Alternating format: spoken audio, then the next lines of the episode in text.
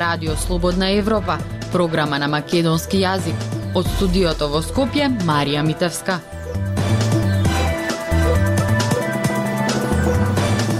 Почитувани во вестите да ке слушате. Македонските болници, клиники и здравствени домови се во минус од 97 милиони евра, а на некои од нив и сметките им се блокирани.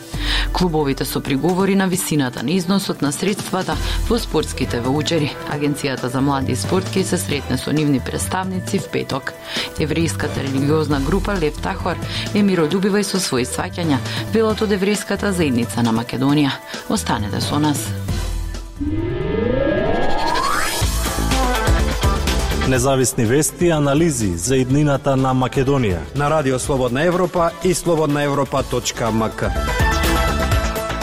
Македонските болници, клиники и здравствени домови заклучно со декември минатата година должеле 68 милиони евра според податоците на Министерството за финансии. Дополнително тие имаат 29,5 милиони евра недоспеан и неплатен долг. Прва на листата е клиниката за онкологија. Повеќе може да прочитате на нашата веб страница slobodnaevropa.mk, известува Зорана Гаджовска-Спасовска.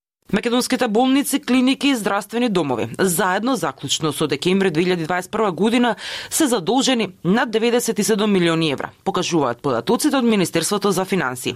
Например, Обштата болница во Охрид минатата година не платила сметки во вредност од 3,2 милиони евра. Директорот на болницата Горан Балевски признава дека им се блокирани сметките на болницата и вели дека не може да се ги платат сметките за струја. Па не само сметки за струја, него со оглед на целата состојба со ковид криза, така ви кажам дека сметките само за кислород. Ево една споредба ќе направам. Значи пред ковид кризата инфективно оделение трошело една боца во текот на една година. Во која беше ковид кризата инфективно трошеше 200 боци во еден ден. Значи тоа се огромно зголемување на, на самите сметки на општата болница во исто во поглед на дежурства, во поглед на сметките за струја и стварно е многу тешко да да се водат општите болници. Тој објаснува дека финансиски болницата е неодржлива и не може да обстои, особено со толку доверители на врат скоро не издржав, многу тешко. Се снаоѓаме како somolени на некој начин. Стварно многу тешко се се справуваме. Должничката листа на болниците кои имаат блокирани сметки е голема. Прв на листата на должници во декември 2021 година е клиниката за онкологија со доспеан долг од 6,4 милиони евра кој само до јули истата година изнесувал 2,4 милиони евра. Веднаш по неја градската болница 8 септември со долг од 4,3 милиони евра, која за време на пандемијата беше претворена во ковид центар и примаше само пациенти заразени со коронавирус, додека другите оддели не примаа пациенти. Но и пред пандемијата, односно во 2019 година, Оваа болница го одржеше второто место со вкупен доспеан долг од 4,7 милиони евра. Во првите 10 најзадолжени, чиј вкупен долг е 40 милиони евра, влегуваат општите болници во Кичево, Куманово и Охрид, како и клиничката болница во Битола со долгови по околу 3 милиони евра за секоја од нив. Представникот на комората на извршители Гордан Станковиќ вели дека проблемот со извршување кон јавните здравствени установи по пресудени тужби за долгови е во судската пракса. Проблемот се јавува кога судот определува износ на сметката во банката под кој тужениот не може да му префрли пари на тужителот, односно доверителот на кој му должи пари. Проблемот е во тоа што тоа по правило ги i pravi premnogo zaštiteni oni se opušta. Međutim, i ova situacija ne imamo pred godine i imamo pred 15 godina, cijelo vreme ova situacija. Da li u obraćanju općina, da li u obraćanju bolnica, ne je važno, javna terapija za čistoće i sedam. Znači, oni troše od pari što ih nema.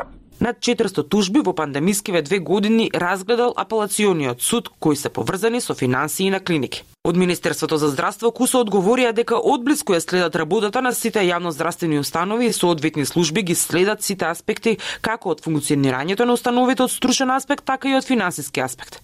Во однос на преземањето мерки тоа е директно поврзано со причините за настанувањето на долговите, ако така се земе во предвид дека секоја установа има определен буџет кој предходно е согласен во соработка со Фондот за здравство.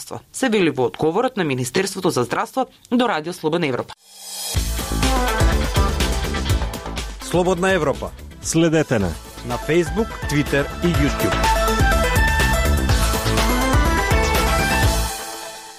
Ракометните клубови се жалат на висината на средствата на спортските воучери кои ги доделува Агенцијата за млади и спорт. Од агенцијата вела дека средба со нивни представници ќе имаат в петок. Антикорупцијска бара анализа за трошење на парите од ваучерите и работата на агенцијата.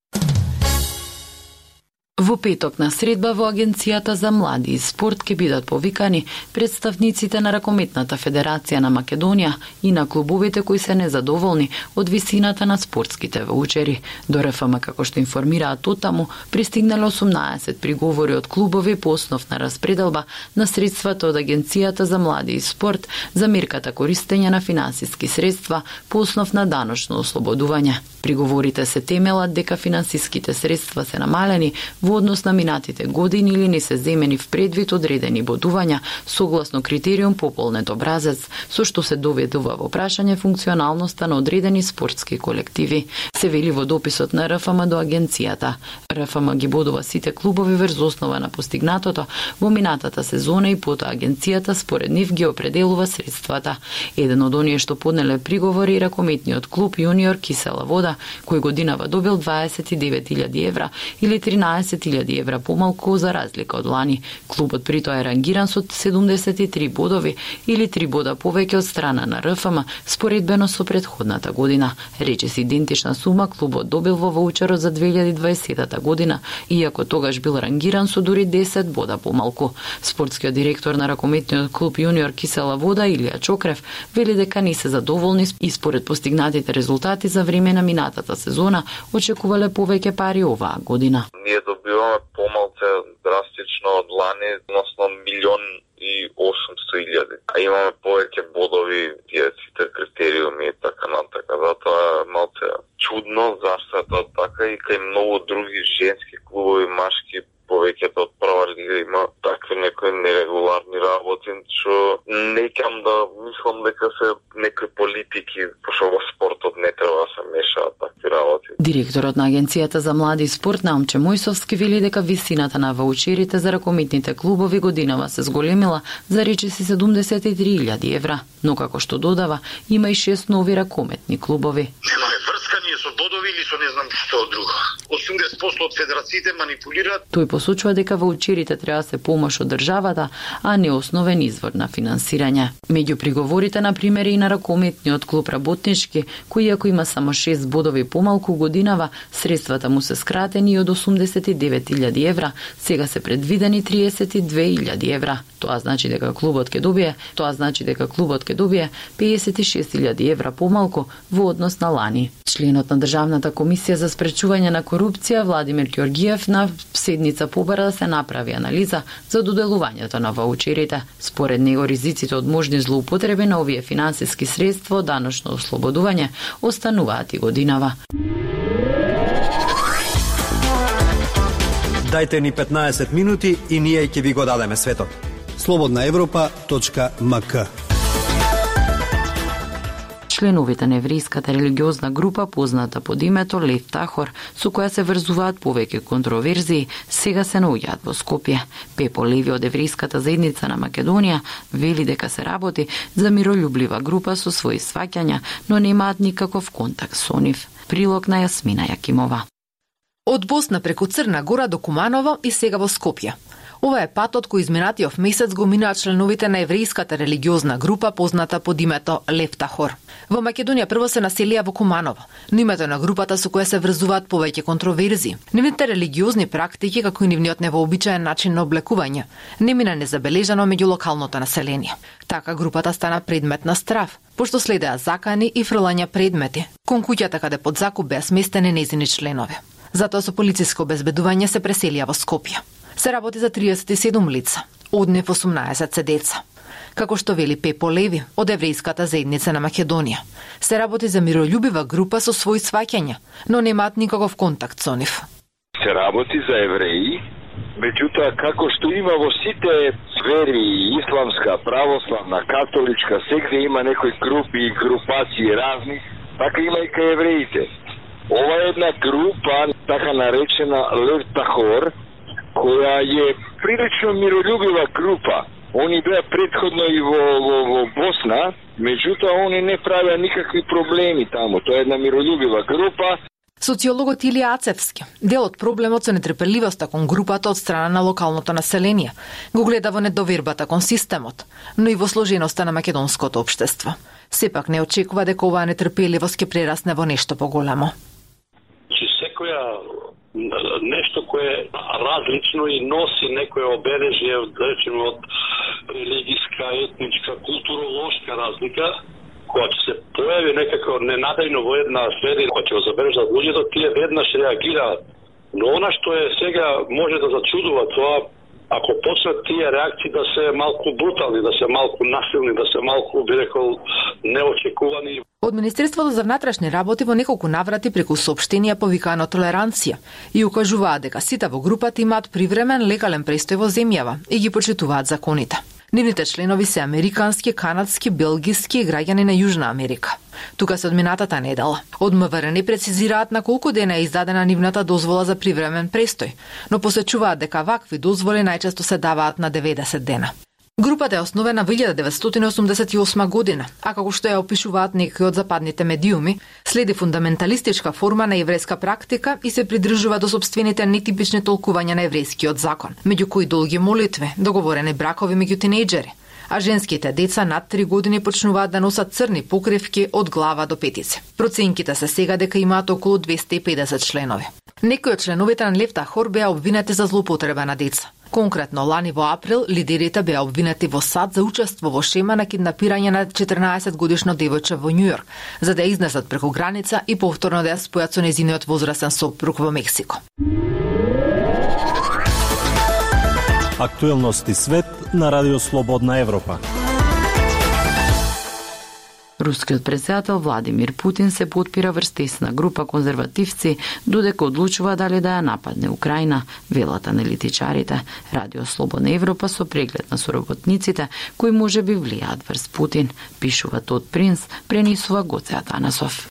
Во март 2014 година, непосредно откако руските трупи го сазедо украинскиот полуостров Крим, германската канцеларка Ангела Меркел разговараше со американскиот председател Барак Обама за првото одземање територија во Европа од крајот на Втората светска војна. Меркел предходно во текот на денот разговараше со рускиот председател Владимир Путин и ги сподели деталите од тој повик со Обама. Путин е во друг свет, наводно му рекла таа на Обама, мислејќи на она што аналитичарите го опишуваат како алтернативен, а некои велат и параноичен поглед на рускиот лидер за политичките настани, начин на размислување во кој Соединетите држави се зад многу од несреќите на земјата. Осум години подоцна, додека Русија ја обкружува Украина од три страни со околу 130.000 војници, Путин, кој во октомври ќе наполни 70 години, може да биде уште посериозно надвор од реалноста, велат аналитичарите. Во голема мера изолиран во неговите резиденции во предградието на Москва и во црноморскиот туристички град Сочи, заштитен со мерки на предпазливост среде на тешката пандемија, Путин носи одлуки за своите следни потези со помош од само неколку блиски советници кои го делат неговиот конзервативен и конспиративен поглед на светот, велат сегашни поранешни западни функционери и аналитичари. Тој внатрешен кру Меѓу другите ги вклучува секретарот на Советот за безбедност Николај Патрушев, директорот на Федералната служба за безбедност Виктор Бортников, министерот за одбрана Сергеј Шојгу, шефот на службата за надворешно разузнавање Сергеј Наришкин и шефот на истражниот комитет Александар Бастрикин. Иднината на Украина може да зависи од човек заглавен во балон што ја храни неговата агресија и го штити од незините последици. Пишуваат за Foreign Affairs Адам Кейси, соработник на Универзитетот во Мичиген и Сева Гуницки, професор на Универзитетот во Торонто. Руската аналитичарка Татјана Астанова ја пак оценува дека новонастанатата елитна групација, што таа ги нарекува заштитници, станува се повлијателна кај Путин. Идеологијата на заштитниците, подпирајќи се врз теории на заговор, се обидува да го мобилизира обштеството против странските закани и се залага за построга контрола врз приватниот и политичкиот живот на русите, смета Астановаја. Тоа беше се во вистите на Радио Слободна Европа. Од студиото во Скопје со вас беа Марија Митевска и Дејан Балаловски. До слушање.